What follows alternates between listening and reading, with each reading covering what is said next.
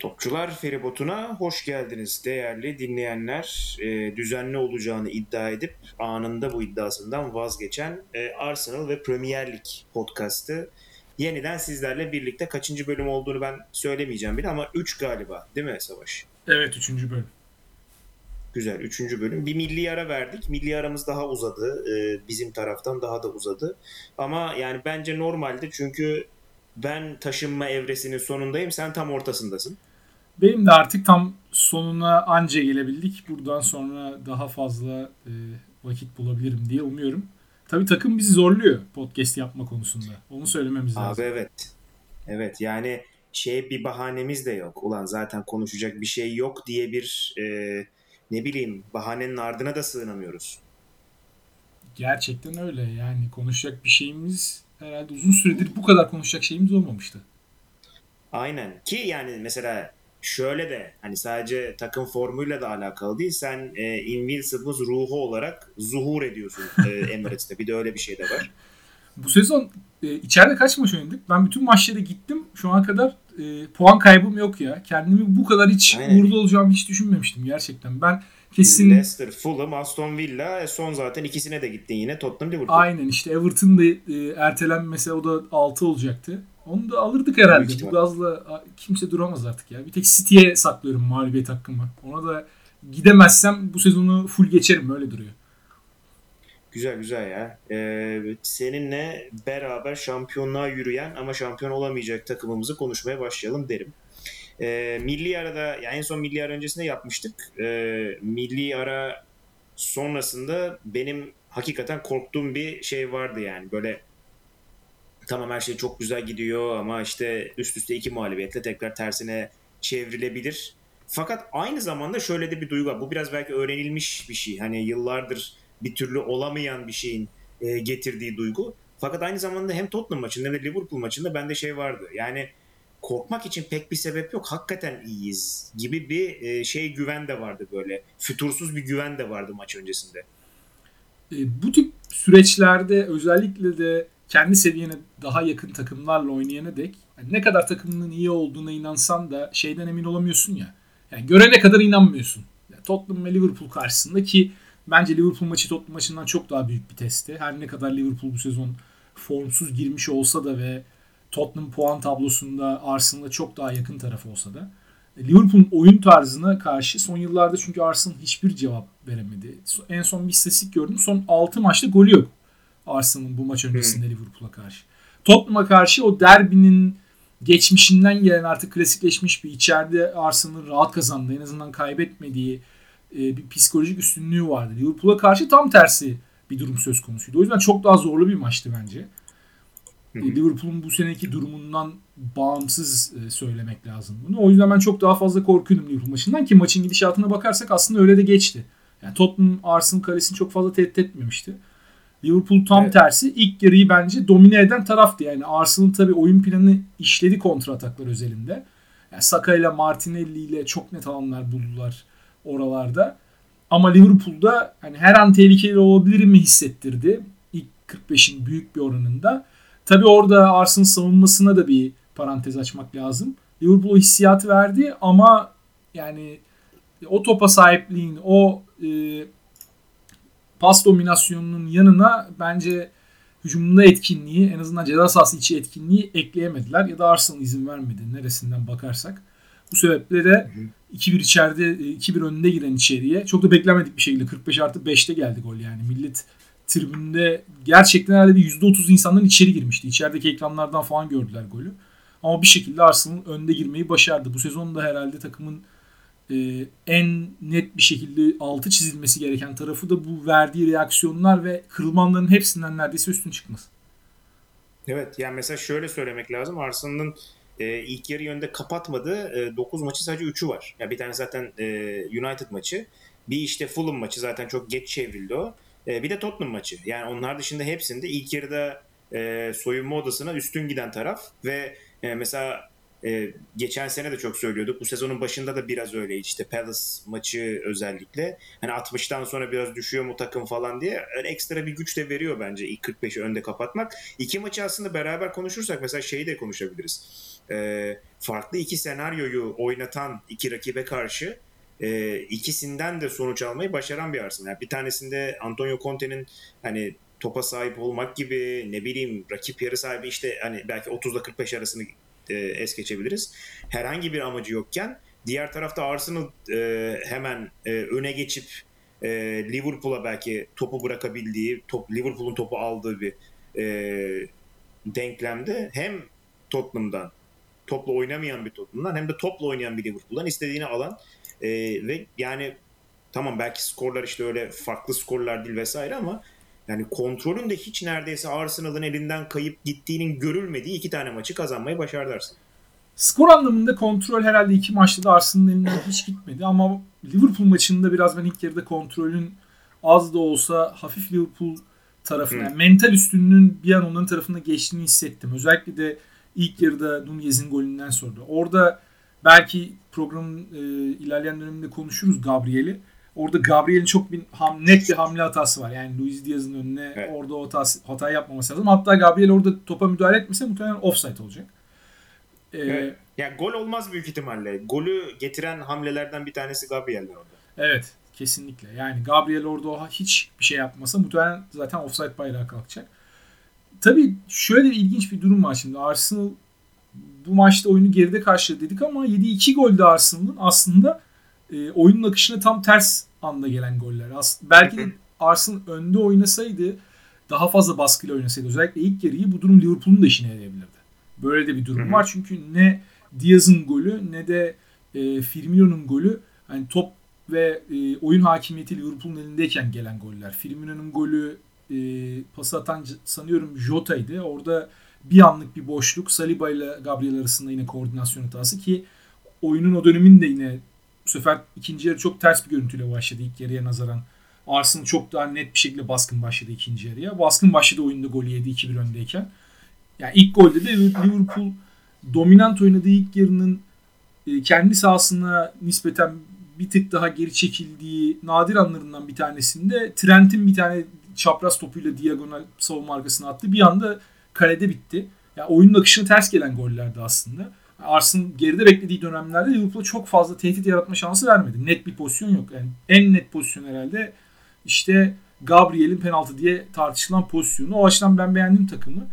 Bir parantezde Tottenham maçında da ben içeriden geldikten sonra devre dönüşü takımın reaksiyonunu çok beğenmiştim. Burada da çok beğendim. İkinci yarı tamamen Arsenal kontrolünde oynandı. Yani Tottenham maçı da öyle olmuştu. Bu maçta da aynısını gördük. Bu ma- Tottenham maçında Tottenham golü bulamadı ikinci yarıda ama bu maçta Liverpool golü gelmesine rağmen Arsenal o kontrolü hiç kaybetmedi ve sonunda da o baskı bir şekilde golü getirdi. Yani penaltı tamamen artık azimle e, gelen Arsenal'ın hani pes etmeden ısrarla gelen ve asla kırılmayan Arsenal'ın e, bu azminde ödülünü alması oldu bir bakıma. Evet yani mesela kırılmamak bence orada güzel kelime. Çünkü e, kırılmaya teşne bir takım hani özellikle gençlik itibariyle kırılmaya hakikaten e, teşne bir takım. Fakat e, şeyi gördük mesela işte ya Martinelli'nin hani madeni bulup e, hiçbir şeye bakmayıp işlemesi mesela ki mesela şey de enteresandı. Ya Tomiyasu ile Martinelli ilk kez ön arkalı oynadı bildiğim kadarıyla ilk 11'de daha önce başlamamışlardı zaten. Ki orada işte ters ayaklı oynayan bir Tomiyasu'nun e, çizgiden destek verme şansı da çok fazla yok. Martinelli orada biraz tek başına işte Şaka'nın biraz yardımıyla falan kalmasına rağmen mahvetti hakikaten orayı. Ee, bir yandan da şeyi e, belki söyleyebiliriz burada. İşte ben Tottenham maçında Ödegaard'ı çok fazla beğenmemiştim. Ee, eskiden mesela işte geçen sezon olduğunda ya da önceki sezonlarda şeyi görebiliyordun. Ee, bizim bir tane 11'imiz var. O e, bir tane 11'in öndeki dörtlüsünden bir tanesi gününde olmadığı zaman büyük maçları kazanma şansımız çok fazla yok. Ama artık e, diğerlerinin e, açık kapatabildiği, boşluk kapatabildiği ve kendi performansları daha da yukarıya gittiği için belki işte Martinelli gibi özgüveni yükseldiği için oyuncuların e, onların daha delici, daha yırtıcı olduğunu görebiliyorsun. E, ve hani orada Jesus'un tabii varlığı da çok kritik. Yani herkes için koşan bir adam olduğunu işte Liverpool maçında da gördük, Tottenham maçında da gördük. Hakikaten şey gibi ya yani hani böyle nasıl diyeyim defansif bir e, orta sahayı hücuma koymuşsun, hücuma devşirmişin gibi e, korkunç bir baskı ki mesela bence işte Matip'i de Van Dijk'ı da kötü gösterenlerden e, Hatta kötü gösteren en başında geliyor Jesus'un presi. Jesus gerçekten yani çok özel bir oyuncu. O profilde bir oyuncu bulmak e, Arsenal biraz orada Arteta'nın da Jesus'la olan geçmişinden ötürü bence lotoyu vurdu. Başka bu konuyla alakalı söylenebilecek bir şey yok yani. Bu seviyede bir oyuncunun henüz Şampiyonlar Ligi'ne bile olmayan bir Arsenal takımına gelmesi tamamen Arteta'nın ki Zinchenko için de aynısı geçerli. Yani Zinchenko belki Jesus seviyesinde bir oyuncu değil ama Zinchenko için de benzer şeyleri söyleyebiliriz. Bu seviyede bir Jesus'un ve yani artık biraz da underrated hale gelmiş bir Jesus'un e, hmm. Arsenal'a bu sezon başında gelişi çok büyük bir transfer başarısı net bir şekilde ve dediğim gibi biraz da Arsenal'ın şansı oldu bu. Çünkü Arteta muhtemelen oyuncunun o pozisyonda neler yapabileceğini biliyordu ve geçen sene Lacazette'le orada yapılan denemeden sonra herhalde Arteta tam olarak neye ihtiyacı olduğunu da biliyordu. Ee, bu evet. evet ikisi bir araya geldiğinde de işte Jesus'a gidildiğinde ve Jesus'un da tam işte böyle ilgiye alakaya muhtaç bir dönemine denk gelmesi e, bu transfer şansının e, Arsenal adına yani çok önemli oldu. Bu sezonun en kilit faktörü belki de. Çünkü Jesus şu ana kadar maç kaçırmadı ve yani bu ilerideki üçlüyü tamam Saka, Martinelli ikisi de bence e, sezonu çok iyi girdiler. Saka'nın üstündeki dikkatler biraz Martinelli tarafına kaydığı için Saka geçen sezona göre bir tık daha sanki böyle yavaşmış gibi görünmeye başladı ama. Bir de bir kontrat montrat muhabbeti vardı. O da ilgi dağıttı hafif. Evet hafif o da kafaları karıştırdı. Hani acaba e, bir acaba sorusunu getirdi yani akıllara. Ama o ikiliyi ileride yani o kilidi açan unlock eden adeta Jesus. Çünkü mesela ikinci golde bunu net bir şekilde görüyorsun. Kendi neredeyse ceza sahasının önünde orada topu alışı işte çalıma attıktan sonra Martinelli bir anda uzatması sol kanattan. Ya bunu mesela yani Lacazette'in ben yapabileceğini hayal etmiyorum. Yani Aubameyang zaten Yok. alakasız profilde bir oyuncuydu. Ve bu işi yapabilecek, oralarda bulunabilecek ve oralarda ya bulunmayı da geçtim. O teknik kapasiteye sahip bu ikisini bir araya getirebilecek. Hem fizik hem teknik kapasiteye sahip. Yani Jesus'un bitiriciliğini tartışabiliriz tabii ki. Elit bir bitirici değil. Onu yüzde yüz söylemek lazım. Ama orada Arsenal'ın ihtiyacı olan şeylerin hepsini bir anda yapabilecek. Yani belli bir seviyede bitirici. Çok iyi derecede yani fizik kalite muazzam seviyede. Çok çalışkan. Mental olarak da bunu her zaman benimsemiş ve %110'unu veren her maç bir oyuncu. Artı bir de bunun üstüne e, işte o teknik kapasiteyle beraber e, tam olarak oraya cuk diye oturan adeta bir oyuncu çıkıyor ortaya. E bunları e, işte bu profilde oyuncuları kontratın bitmesine bir de üstüne bir sene kalmışken Arsenal'ın aldığını düşünmek lazım. Arsenal seviyesinde yani çıkış arayan bir takımın bence bulabilmesi çok kolay değildi bu transfer gerçekleşmeseydi. Yani dünya futbolunda Arsenal'a gelebileceğine inandığım mesela bunların hepsini bir arada yapabilecek başka bir oyuncu var mı? Yani daha iyi olur, daha kötü olur. Çok hakikaten. Ya mesela şey de öyleydi. E, kaçan balık büyük olur gibi bir muhabbet geçmişti Vlahovic gelmediğinde ama şimdi mesela baktığında hani iyi ki gelmemiş diyebileceğim bir noktaya döndü Vlahovic'in e, Juventus'a gidişi. Çünkü çok farklı profiller. Tamam belki o daha iyi bir bitirici. Çok acayip bir skorer.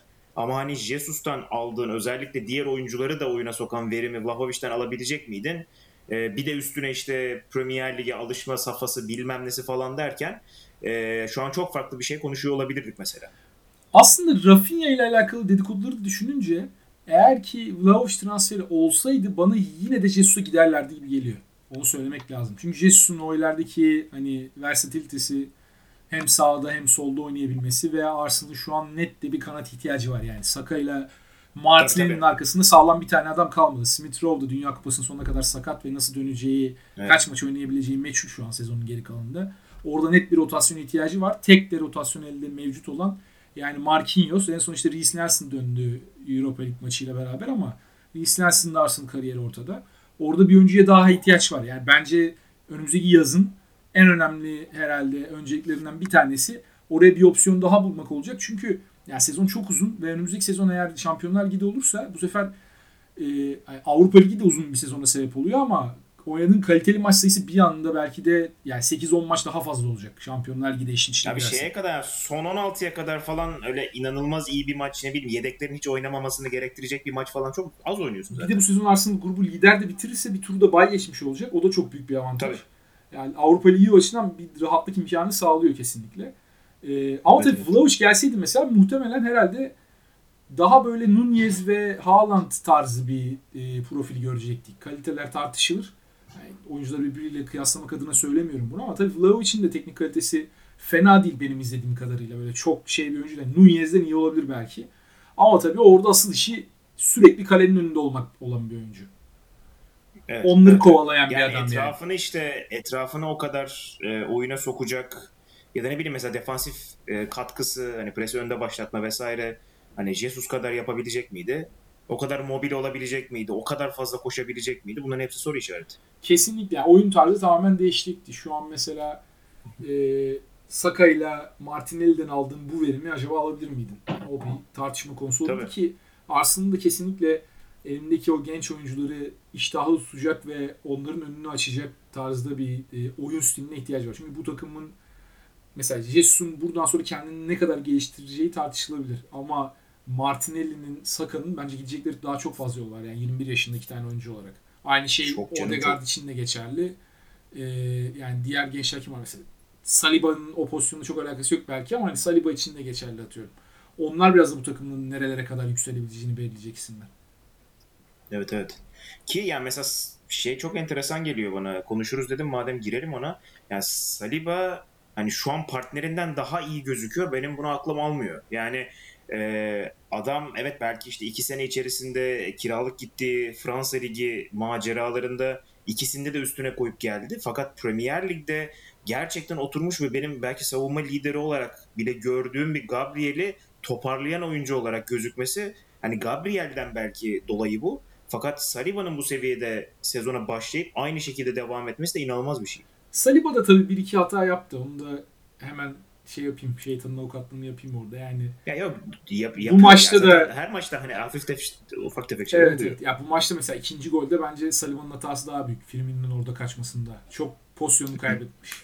Ama tabii ilk golde de Gabriel'in %100 net bir hatası var. Ben şey olarak yorumluyorum. Yani e, Saliba atletizm olarak Gabriel'in bence biraz önünde. Ve teknik kapasite olarak da muhtemelen önünde. Ya, tecrübe farkı aralarında. Gabriel daha tecrübeli oyuncu. Ama işte bu sezon Arsenal'ın oynadığı sistemde yani Arteta'nın istediği şey savun mesela takım geride bile beklerken savunmayla forvet hattı arasında muhtemelen 30 metre falan var. Yani top Liverpool'da diyorduk ya mesela. Arsenal'ın savunması yine neredeyse orta sahada yani top Liverpool'dayken bile. Ve bu Liverpool stoperlerine pres yapılmayan bir e, senaryodan bahsediyorum. Çünkü bu maçta şeye dikkat ettim. Yani Jesus Odegaard ikilisi genelde iki stopere karşı çok çıkıyor. Özellikle bunu Spurs maçında çok fazla yaptılar. Spurs'un stoperlerin teknik kapasitesinin de düşük olduğunu bildiği için Arteta onları direkt "A, ordular ilk hedefimiz Dyer'la işte Langley demiş salmış yani. E, ama bu maçta mesela top Van Dijk'ın ayağındayken işte Matip'in ayağındayken daha ziyade onlara baskı değil de Thiago'yla ve Henderson'la kalmayı tercih etti en öndeki hat. Ama ona rağmen arkadaki dörtlü yani offside taktiği yapıyordu neredeyse. Arsenal e, 11'iyle bile neredeyse kendi yarı sahasındayken. Ya, inanılmaz kompakt bir düzen var orada. E, kaleciden çok uzak bir e, stoper ikilisini haliyle getiriyor bu. Oralarda da Gabriel Saliba'nın olduğu kadar rahat değil muhtemelen. Yani golde de onu gördük. Evet. Uzun topta Gabriel hani acaba işte burada ayağımı uzatsam ben bu topu alır mıyım diye düşünürken alırım dedi alamadı. Ve bir anda Diaz orada bitti. Çizgiye indi. Ortayı yaptı. Zaten yani Saliba da önde kalmıştı. Orada Gabriel'in o topu normalde karşılaya, karşılaması lazım. Mesela Arsenal'ın ilk golünde de 58. saniyede gelen golden önce de benzer bir pozisyon. Yine orada mesela Saliba topu çıkaran adam e, Liverpool sanıyorum bir, yine bir yüksek top böyle orada ufak bir karambol sonrası Saliba mesela orada topu almasa muhtemelen Liverpool pozisyonu olacak. Saliba orada o pozisyonun içerisinden çıktı. Saka'ya topu verdiği anda bir anda oyun tamamen Arsenal kontra atağına dönüştü. Böyle ince çizgiler de var. Yani Saliba bence o pozisyonlar için e, artık hani daha tecrübeli diyemeyeceğim 21 yaşında bir oyuncu ama daha yatkın o tip bir oyun oynamaya. Daha önde oynamaya daha yatkın. Bir de şey gibi sanki e, tereddüdü e, Gabriel'e kıyasla çok az. Yani e, ya vuruyor ya da indirebileceğini bildiği için indiriyor. Yani Gabriel'de mesela o topu oyuna sokarken de bazen oluyor. Geriden mesela muazzam paslar atıyor. Mesela işte maçın sonuna doğru Martinelli'ye yolladığı çok güzel bir top var. E, onları atabiliyor belki. Fakat Gabriel'de hem e, baskı yediğinde ulan biraz daha mı sürsem ondan sonra versem şimdi çekeyim mi burada falan gibi çok saçma sapan böyle e, ve uzun süren böyle 5-10 saniyelik tereddütler olabiliyor. E, top düşerken de oluyor mesela. Saliba'da bence o yok çok fazla. Evet Saliba ya özel bir oyuncu zaten. Kendine güvenini ben de çok yüksek görüyorum. Yani asla kendinden şüphe Hı hı. etmiyor. Hata yapsa da şüphe etmiyor. Bir sonraki pozisyonda yine yani bu yaşta bir oyuncu için çok önemli bir özellik. Bir pozisyonda yine hiçbir şey olmamış gibi tekrar aynı güvenle bir önceki pozisyonda ne yapacaktıysa aynısını yapmaya çalışıyor yine. Ve o fizikle Tabii. de ya, korkmasını gerektirecek de çok bir şey yok yani. Darwin Nunez de ligdeki en fizikli oyunculardan, santraforlardan özellikle. Belki Haaland'dan sonra ikincisidir. Bir tanesi. Saliba hiç zorlanmadı açıkçası. Onunla mücadele etmeye çalışırken. Yani Nunez'in de kazandığı pozisyonlar oldu ama hiçbir zaman böyle e, Saliba'yı çaresiz görmedik. Ben bu sezon Saliba'yı çaresiz gösterebilen bir forvet de daha görmedim açıkçası. Yok. E Mesela şey de aynı zamanda ters tarafa bak. E, Jesus'a üstünlük kurabilen, fiziksel olarak da üstünlük kurabilen bir stoper de görmedim ben. Ya Jesus'unki çok ilginç bir vaka ama. Yani 1.75 abi adam. fiziğini o kadar iyi kullanıyor ki ben be- bu, bu yönünü hiç bilmiyordum mesela. Yani hiç bir şekilde şöyle açıklamaya çalışayım. Bu kadar çok e, hava topu indirip ama topları hiç kafa vurmayan bir forvet ben uzun zamandır görmemiştim. Yani adam direkt Aynen. mesela 80 metreden degajı göğsüyle indiriyor bir şekilde ve o kadar iyi pozisyon alıyor ki sırtını savunmacıya yasladığında. Ya Van Dijk Evet. gibi adam mesela de karşı buna karşı bir şey yapamıyor yani. Çok ilginç. Ha işte onu diyecektim. Ya bunu yaptığı adam da mesela şey işte atıyorum Tosin Adarabioyo işte Van Dijk ne bileyim e, Tyrone Mings falan onlara yapıyor bunu bir de. Yani gerçekten çok acayip. İkinci yarıda yine bir pozisyonun aynısını yaptı. Hatta e, penaltıdan galiba bir önceki pozisyon. Çok uzun bir top geldi geriden. Yine Hı hı. kafayla sırtı dayayıp bu sefer kafayla indirdi galiba ama hani zıplamadan vuruyor kafayı. Sırtı dayadıktan sonra pozisyonu alıp direkt top kafasına çarpıyor ve yere iniyor yani. Çok ilginç bir stil. Çok değişik Vücudu abi. kullanması ya o, o gerçekten ilginç bir seviye. Ben çok fazla böyle oyuncu hatırlamıyorum. Öyle öyle. Ya şey de ben o, o- ne yazdım hatırlamıyorum. Tottenham maçından sonra mı yazdım? Biz bu son maçtan sonra mı? E, fiziksel kalite olarak herkesin çok yukarıda olduğu bir takım e, görüntüsü de her maçta veren bir Arsenal var. O da mesela benim çok dikkatimi çekiyor. Ha belki işte şey diyebilirsin. Çok genç takım, yaşlı oyuncusu az bilmem ne ama bire birde de bu kadar fazla ayakta kalabilen, ikili mücadele kazanabilen, rakibi rahatsız eden takım e, komple bir takımın olması çok acayip. Yani herkes yapabiliyor bunu ve herkese karşı yapabiliyor. Ben Arteta'nın takımı özellikle bu şekilde dizayn ettiğini düşünüyorum. Çünkü Olabilir. e, ya Martinelli mesela 90 dakika hani ciğerini artık sahada bırakana dek koşan ve oynayan bir oyuncu. Gabriel Jesus herkesin söylediği mesela City'den onu gol atamadığı için işte bitiricilik konusunda belli bir seviyeyi aşamadığı için eleştirenlerin bile söylediği asla durmadan bütün maç savaşan savunmaya çok fazla yardım eden önde pres konusunda işte Guardiola'nın bununla alakalı çok fazla alıntısı var. Önde pres konusunda dünyanın en iyi forvetlerinden bir tanesi. Jesus'un orada tercih edilmesi. Yani Saka mesela bence yine fizik kalite olarak iyi bir oyuncu ama bu kadroda yanındakiler o kadar iyi presçilerken Saka bile sırıtıyor yani bu kadroda ki Şa- Hı hı. e, Şaka'ya geldiğimizde mesela tank gibi bir oyuncu yani Arsenal'daki eleştiremeyeceğim tek özelliği muhtemelen Saka'nın fizik şey Şaka'nın geldiğinden beri eleştirilemeyecek tek yönü en kötü oynadığı dönemlerde dahi fizik kalitesidir herhalde. Yani hem çok nadir sakatlanan hem de e, gerçekten yani fiziksel olarak sahada asla rakibinden e, bir adım geride durmayan bir oyuncu. Yani burada belki partinin fitness durumunu biraz eleştirebiliriz. Keza mesela Odegaard Evet. da o teknik kalitedeki bir oyuncu için özellikle e, Arsenal'da daha önceden aynı pozisyonda oynamış işte Fabregas, Mesut gibi oyunculara baktığımızda o teknik kapasiteye sahip bir oyuncu için Odegaard da fizik kalite olarak çok yüksekte bir oyuncu ve zaten bunu pres kalitesinden de görebiliyoruz. Savunma dörtlüsünü zaten saymıyorum bile yani orada da bence yani Zinchenko haricinde gerçekten e, hem pres gücü yüksek hem de birebir mücadelelerde omuz omuza mücadelelerde kolay pes etmeyecek oyuncular var. Yani bu Tomiyasu'ndan Tierney'ine kadar stoperler zaten öyle. E, ben özellikle seçtiğini düşünüyorum bu tip oyuncuları Arteta'nın. Çünkü yani önde oynamak istiyor oyunu ve ikili mücadele kaybetmek istemiyor. Topu hızlıca geri kazanıp e, bir anda rakip kalede bitmek istiyor. Yani bu yönden hem Klopp'tan Klopp'un oyunundan e, şeyler var. Biraz böyle esintiler var. Ya Pep tarafını zaten söylemiyorum bile. O yüzden artık ya kadroyu kendine göre %100 dizayn ettiğini söylediğimiz noktada hani burada da övgüyü biraz Arteta'yla hani Edu'ya da vermek lazım. Evet evet. E, Ki yani mesela şeyi gördüğünde bile aynısını söyleyebilirsin. Ee, bir belki hani Lokonga ya yedeklere baktığında işte Vieira mesela hani çok alakasız bir yerden geldi fakat e, şeyleri görebiliyorsun. Ee, hani Ödegaard'ın Ödegaard'a bir şey olduğunda e, orada olacak ya da Ödegaard gibi derinde oynayabilen aynı zamanda bir oyuncu olabileceğini görüyorsun. E, şey de yani belki zaman kalmadı ya da para kalmadı hani e, havuzu genişletmeye ama havuzu genişletecek listelerinin de olduğunu mesela görüyorsun kenarda bir yandan.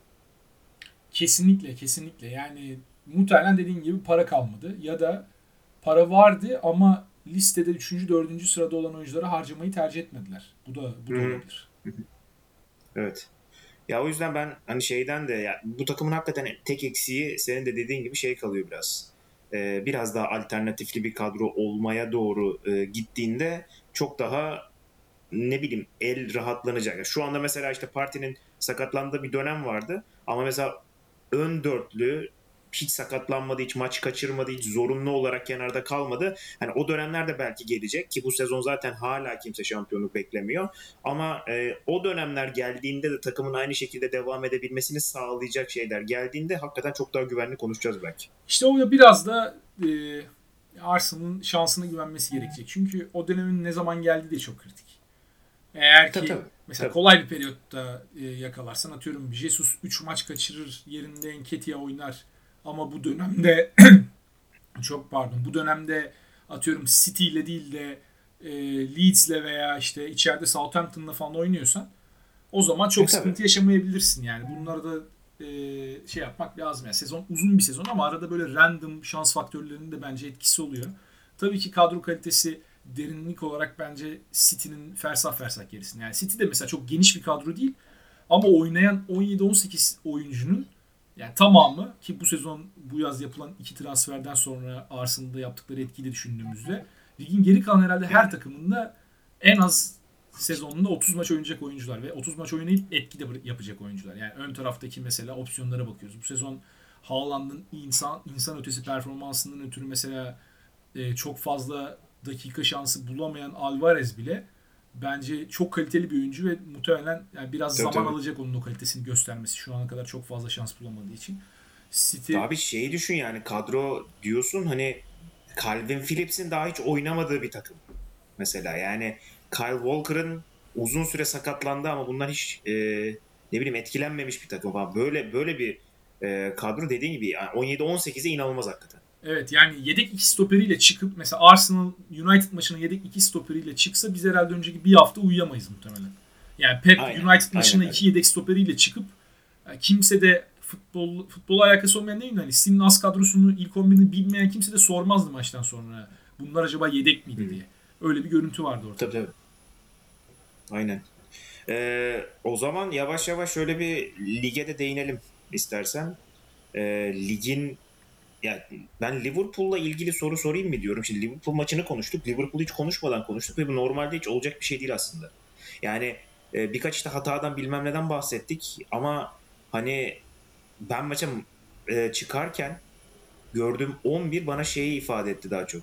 Ya sanki Klopp da artık ya bunu bir şekilde kazanmak lazım yoksa gidecek bu iş diye böyle bayağı 4-2-4 gibi ki mesela 4-2-4 çıkarken de hani savunman çok iyi olur. Savunmana bir şekilde güvenirsin. Ee, o ikilin de ortadaki ikilin de muazzamdır. Öndekilere dersen abicim siz atın falan. Yani e, Alexander, Trent Alexander-Arnold'un çok kötü olduğu ne bileyim Çimikas'ın hala belki yani Robertson seviyesinde olmayan bir adam sonuçta.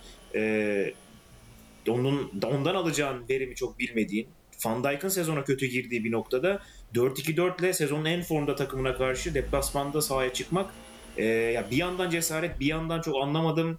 Hakikaten çok garip geldi bana. Ya 4-2-4 biraz ilk dakikadaki golden sonra yani tamamen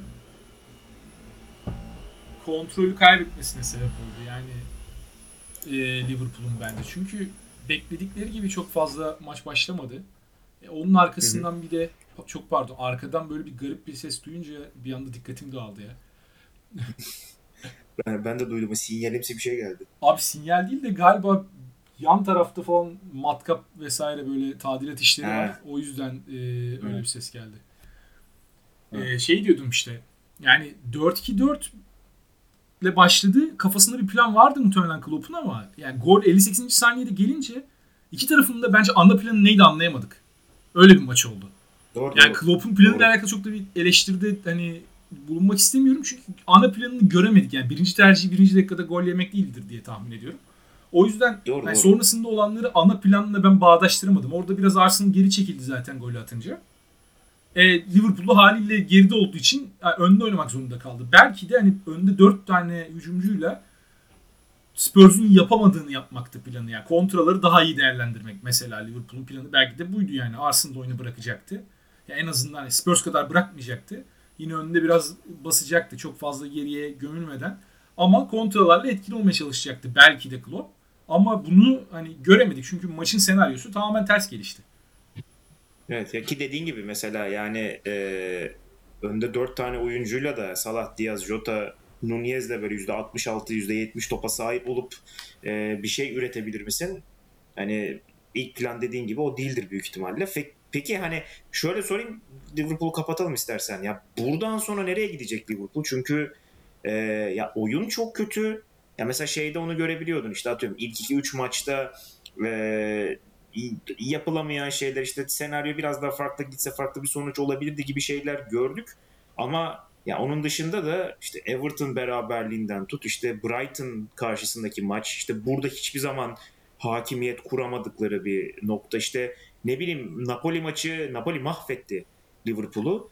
Ee, hakikaten oyun üstünlüğü de yok, skor da yok ve yani 8 maç 2 galibiyet çok garip geliyor bana artık. Ya bence yani orta sahaya bir çözüm bulmaları gerekiyor. Yani ya da e, işte orta sahayla beraber arka 4'lüye diyeyim. Yani Van Dijk'ın forma girmesi mi artık? Bu arada bunu demişken Artur'un da bayağı uzun sakatlandığı haberi gelmişti. Evet yani 3-4 ay falan Ee, öyle bir şey de- okudum ama yanlış söylemiş olmayayım. Hı hı. Ee, ya orada bir çözüm bulmaları lazım. Bu çözüm de mevcut kadronun içinde var mı? Hani zor gibi duruyor. Şimdi Trent de sakatlandı.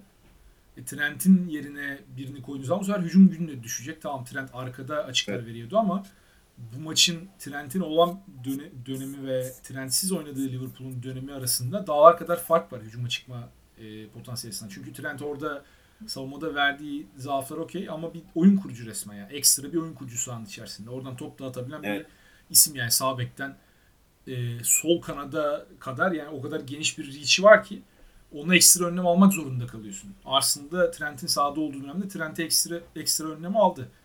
Yani ilk golde de zaten Trent'in pasından geldi hani Gabriel'in hatası. Ee, orada da mesela şimdi nasıl bir opsiyon değerlendirecekler? Fabinho çok formsuz. Yani Fabinho formda olsa bu problemlerin önemli bir kısmını kapatabilir gibi geliyor bana ki mesela ön tarafta da çok formsuz isimler var. Nunez maçın en iyi isimlerinden biriydi. O herhalde Liverpool adına nadir pozitiflerden bir tanesi. Yani Jota bence Hı hı. Çok kötü değildi ama yani Salah herhalde Liverpool kariyerindeki en kötü dönemini geçiriyor.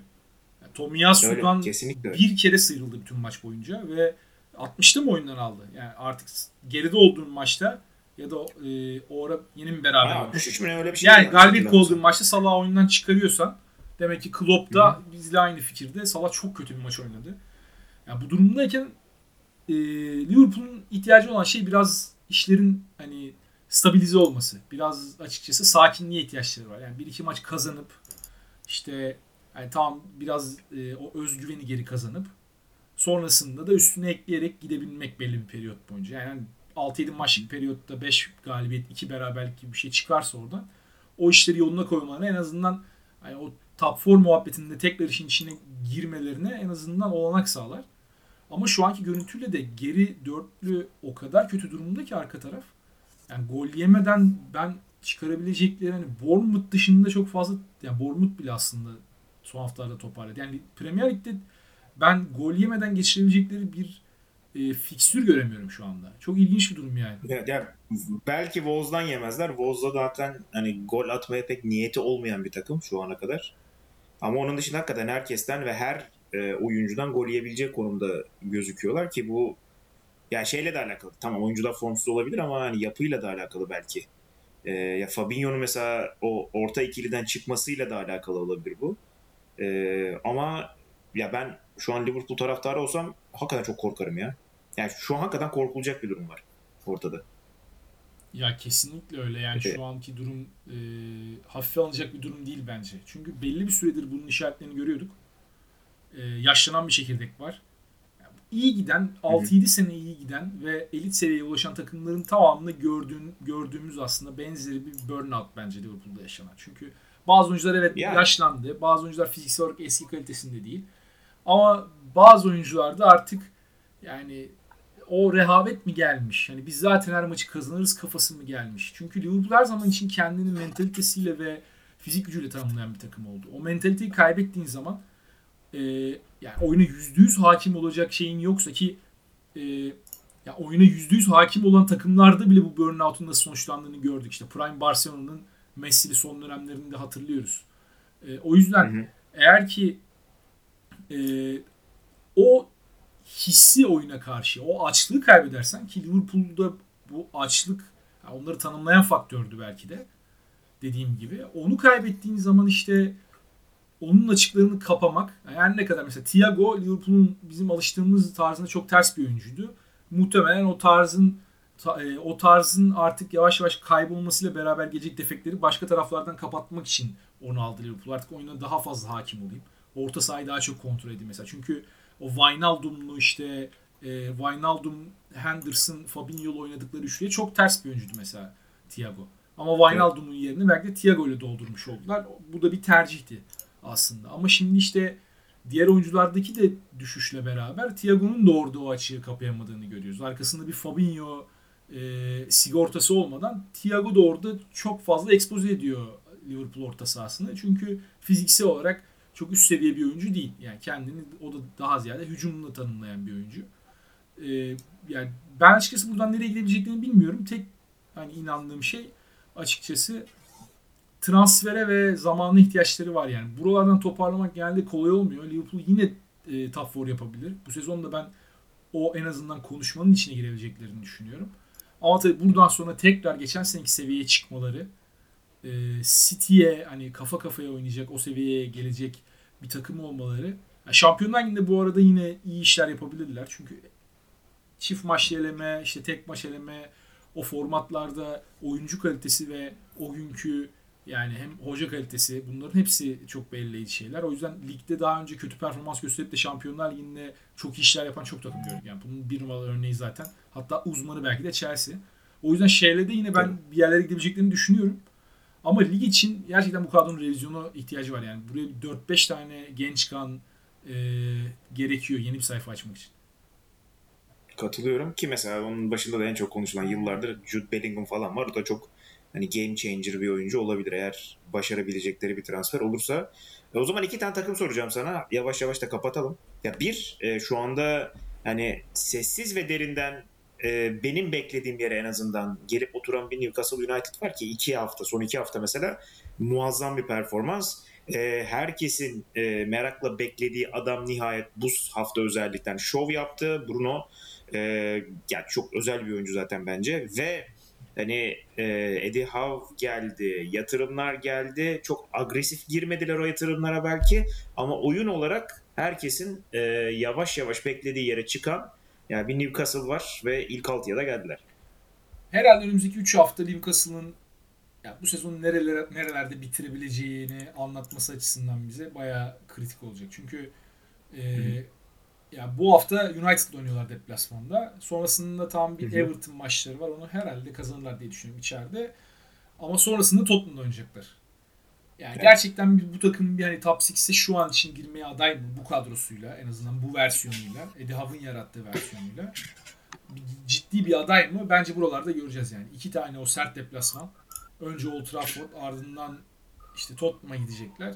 Yani buralarda eğer ki e, güçlerini ispat edebilirlerse onun da getireceği inançla beraber ben ilk dördü bile zorlayabileceklerini düşünüyorum. Çünkü yani doğrusunu söylemek gerekirse City ve Arsenal haricindeki hiçbir takım şu ana kadar bu sezon oynadığı futbolda bu takım gerçekten ilk dört yapar güveni vermedi. Yani bu Arsenal kesinlikle ilk dört yapacak demek değil ama şu ana kadar en azından sahada gördüklerimizden bahsediyorum.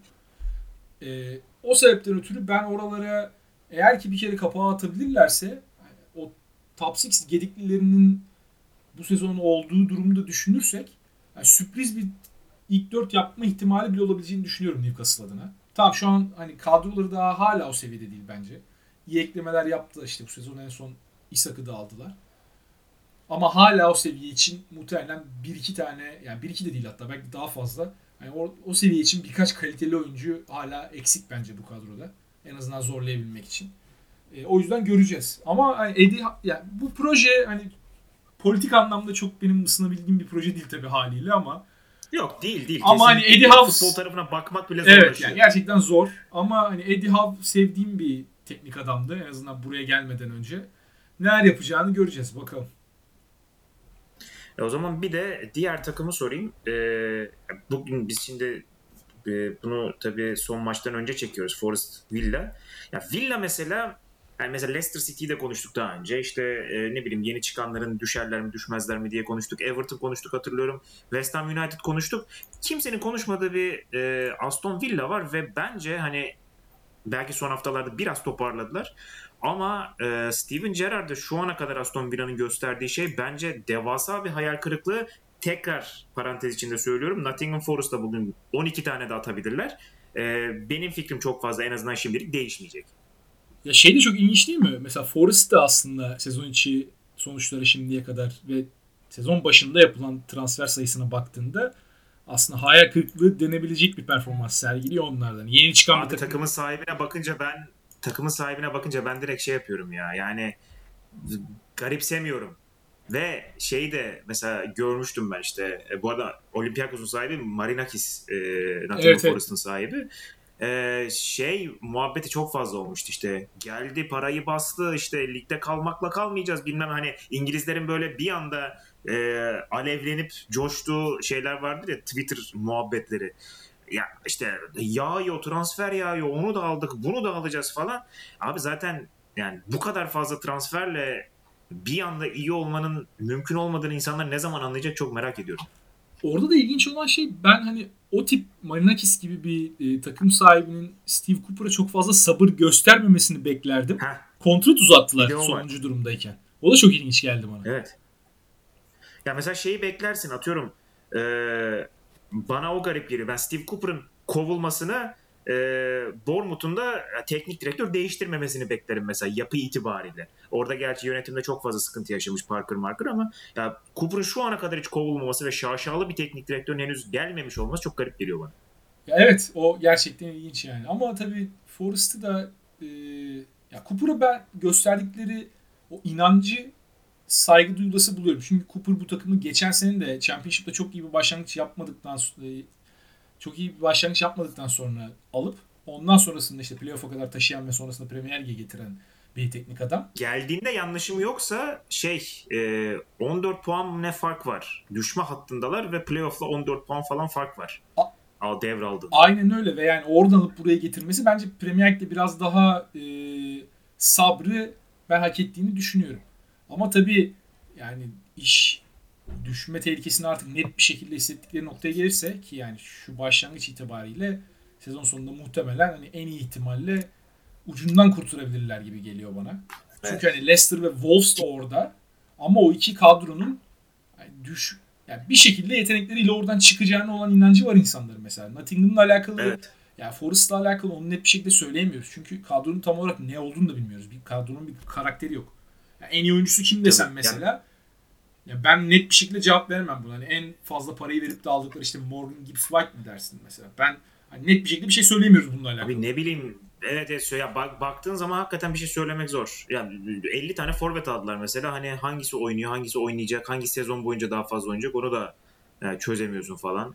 Ya kötü transfer mesela iyi transferleri var atıyorum Remo Freuler bence iyi bir oyuncu ama yani e, Premier Lig e, temposunda iyi bir oyuncu mu? Mesela Kuyate bana çok mantıklı gelmişti ama hani yaşı geçti mi artık falan filan. Çok fazla hani transfer var. Bu transferin hepsinin problemi var ve e, bu kadar transferin içerisinden de dediğin gibi e, oyuncu 11'e koymak hakikaten kolay değil. Abi son olarak da istiyorsan bu sefer ben sana sorayım. Yani Scott Parker'ın bu kadroyla bu ligde mücadele edemeyiz atarlarından sonra kovulması ve Bournemouth'un şu an Of. Liverpool'un önünde olması puan tablosunda bu konuyla alakalı yorumunu çok merak ediyorum. Abi demin ona girdim zaten. Ya şey çok acayip. Ha, bence kovulması saçma. Yani şu açıdan saçma. Ha, 9-7 ve kovuldu ama hani 9-7 için kovulmadığını sonradan anladık. Ee, yani transfer yapmadınız. Niye transfer yapmıyorsunuz e, muhabbeti ve yani bunu e, hani deklare etmesiyle alakalı olduğunu da gördük. Ve baktığın zaman hakikaten şey değil hani geri dönüşler var işte Newcastle deplasmanından puan çıkarmışlıkları var ve son olarak da mesela en kritik maçlardan bir tanesi Leicester mesela kazansaydı e, Bournemouth tekrar yine bir düşme e, hattına yaklaşacaktı. Fakat yine bir geri dönme var ve şeyi de görüyorsun o biraz bana garip geliyor gerçi. Ligin bildiğim kadarıyla hani 3. bölgede e, hem uçta oynayan oyuncular hem de genel olarak takım itibariyle en kötü takımı. Fakat yine de maçları bir şekilde çevirmeyi başarıyorlar ve e, yani bunu da mesela yeni teknik direktör getirmeden yaptılar. Değil mi? Yani Geri O'Neill yardımcısıydı zaten. Evet evet. E, herhangi bir şey Evet değişmedi. yani şeyi getirmediler. Yerine net bir kalıcı teknik direktör getirmediler. Muhtemelen de bu performanstan sonra zaten gelmez diye tahmin ediyorum. Yani ha bir noktada muhtemelen yine şey düşecektir. Yani performans düşecektir. Belki Geri O'Neill e, tamam artık falan diyeceklerdir ona. Ama şey hakikaten çok kötü gösterdi senin dediğin gibi. Yani bu takım yetmez diyen bir adamın e, üstüne e, namalup devam edip e, Liverpool'un da üstüne çıkabilen bir takıma dönüşmesi e, Scott Parker için de çok kötü e, bir not yani. Kesinlikle. Ben o açıdan sormuştum zaten. Yani Scott Parker çünkü şu döneme kadar hep böyle Championship'ten takım getirip sonrasında Premier League'de facia performanslarla hatırlıyoruz. Yani yine aynen. bunun ötesinde geçememiş oldu bu sezon baktığımızda Bournemouth'la. Çünkü bu- o gittikten sonra Bournemouth'un yaptıkları bence etkileyici. Sana şu açıdan katılıyorum. İsim bazına baktığımız zaman muhtemelen ligin en kötü kadrosu bu. Çok çok Yani kötü bir kadro. yetenek olarak abi baktığımız ileride Billing'le Solanke oynuyor Allah aşkına. Ya aynen öyle. Yani ilerisi aslında hala bir Championship kadrosu gibi. Ön taraf özellikle. Hı hı. Evet. Mesela Nottingham'ın geri kalanı da öyle yani geri kalanda da çok fazla hani son anda gelen bir Neto var. Neto tamam belki hani e, Premier Lig'e yeni çıkmış bir takım için isim olarak fena bir kaleci değil ama e, bir 5 sene önceydi bu yani. Uzun süredir ilk 11 kalecisi olmayan bir oyuncu. İşte Smith'i var ne bileyim Fredericks'i var Christie yani böyle şey gibi ya Solanka Billing'i zaten konuştuk. Hani e, tabii bu takımın ligde kalmasına sebep olabilecek bir oyuncu göremiyorsun fakat oyun daha farklı bir noktada. Abi şeyler falan yani Kiefer Moore'lar, Lewis Cook'lar falan bu adamlar şey ya bana böyle direkt kafamda Coventry City formasıyla falan canlanıyor yani bu isimleri söylediğiniz zaman. Evet evet. Gerçekten o açıdan Evet ve yani şundan alınan verim gerçekten inanılmaz. Ya biraz şey verimi alınıyor. Son yıllarda hep bu oldu işte ne bileyim Burnley ile oldu, işte Sheffield ilk çıktığında oldu falan. Olması gerekenden çok daha fazla verim alınan bir noktada şu anda Bournemouth ve ya bir noktada o hani XG'ler e, şeyini bulacaktır, yerini bulacaktır falan diye düşünüyorum. Ama ya sonuçta abi ya düşman hattı rakibi Leicester'ı geriden gelip yendi. E, düşman hattı rakibi e, yine işte Nottingham Forest'ı 2-0'dan gelip yendi. E, Bunlar zaten hani ligde kalmak için en azından yeter sebepler şimdilik. Ya kesinlikle öyle. Ee, yani düşmeyeceklerini tabii söyleyemeyiz. Ama şu an kadar gösterdikleri performans alt, altlarını aldıkları takımlara da baktığımız zaman bence etkileyici. O yüzden umutlu Tabii, bir tabii. başlangıç. Aynen. O zaman e, ben bunu son programda da yapmıştım. Tak diye yapıştırıyorum yine. Leeds deplasman, Southampton deplasman, üstüne Nottingham Forest içeride. Kaç puan? Ben bu sefer hiç e, utanmadan sıkılmadan 9 diyorum. Güzel. Arsenal e, Chelsea deplasmanına gitmeden önce 9 puan yapar dendi. E, umarım yapar. Hakikaten yapılası bir yer çünkü. Tam şey yeri böyle. E, Chelsea maçına hani yenilsek de çok üzülmeyiz noktasına gidebileceğimiz bir yer e, olur. E, bayağı da güzel olur. Tabi arada bir Eindhoven maçı var. İki Eindhoven maçı E, var. hatta yani. iki tane Eindhoven maçı. Tam İki, aynen iki. iki. şöyle Ha, yok, bir tane düşeyim. Bir Yok, iki? iki abi çünkü e, Kılıç'ın ölümünden İki, sonra iki doğru, ertelenen ertelenen. maç City maçının yerine geçti Doğru. ki bence şu an bizim Doğru, doğru. için bayağı olumlu oldu. Yani şu noktada mesela Çok City'den bir tokat yesek tam böyle takımın e, ayaklarının artık yere basacağı kötü anlamda ve biraz e, gazının alınmış olacağı bir döneme giriyor olabilirdik yani. O yüzden bence Aynen, eğer aynen. bu gazı koruyabilirsek Dünya Kupası'na kadar. Ya arada bir tane Chelsea mağlubiyeti veya hadi beraberliği falan çok üzmez beni. Ama Ver onu bir şey evet, olmaz. evet çünkü bu aralar e, yani tepeye oynayan takımların birbiriyle oynayacakları bayağı bir maç var. Oralarda hepsi puan kaybetmek zorunda kalacak. Orada bir puan kaybı o yüzden çok şey yapmaz yani. Belki City'nin gerisine düşersin işte. Ama e, diğer maçlardan bu bahsettiğin 3 maçtan eğer minimum yani bence maksimum bir beraberlik en kötü ihtimalle. Ama ben 9 puan bekliyorum açıkçası şu oynanan futbolla. E, görebilirsek yani UEFA'da da e, PSV'yi en azından bir kere yenip şeyi kolaylayabilirsek, grup liderliğini kolaylayabilirsek Aynen. baya güzel Aynen. bir Dünya Kupası öncesi periyot olacak. Aynen. Ben normal şartlarda hani Southampton deplasmanına e, bir puan yazabilirdim fakat Fraser Forster artık Southampton'da olmadığı için e, onu yazmayacağım. E, ve e, bir istat yani bu kadar gaza geldik, konuştuk, uçtuk, kaçtık. E, enteresan bir istatistik gördüm. Onu verip yavaş yavaş da kapatalım. E, ilk 9 maçın 8'ini kazanıp şampiyon olamayan sadece bir takım var. İki kez Arsenal'mış. E, umarım bir daha olmaz o iş. E, 2000'lerin ortasında iki kez olmuş bu.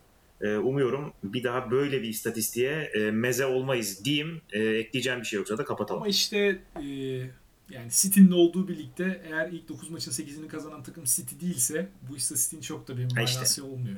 Üzücü ama. Yok yok. Üzücü. Abi zaten yok ben geyine dedim hakikaten. Ya şampiyonu ne olursa olsun beklemeyin. Ya kimse yani burada Arsenal taraftarları belki dinliyordur. Ne bileyim Arsenal sempatizanları vardır. Beklemeyin abi şampiyonluk lütfen. E, bu üzüntüye hani direkt olarak e, uçak bileti anlamına gelir. Yapmayalım öyle. şey. Ben ya, yani gerçekten hani bunu ciddi manada söylüyorum. Eğer Arsenal son böyle 8 maça işte City ile 2 puan farkla falan hani önde veya geride girmediği sürece şampiyonluktan çok bahsetmeyeceğim yani. Çok ciddi şey değil çünkü Aynen. gerçekçi değil. Ki değişmezse e, deplasmandaki City maçı e, son e, dan 6. hafta.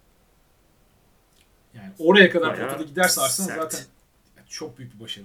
Yani şu kadroyla Tabii, tabii. bulunduğu şu Net. aşamada yaş ortalamasını Net. düşününce bayağı büyük başarı. Net. O zaman ağzına sağlık. E, Senin de gelecek hafta Leeds United maçından sonra e, bu sefer aksatmayız diye düşünüyorum. Ee, yani artık aksatmayız ben. Çok fazla bahanemiz kalmadı. Dünya Kupası'na kadar haftada birle devam edersek Arsenal'da kazanmaya devam ettiği sürece herkesin keyfi yerinde olur diye düşünüyorum ya. Aynen. Güzel. O zaman e, haftaya görüşmek üzere diyelim. E, şimdilik hoşça Hoşçakal.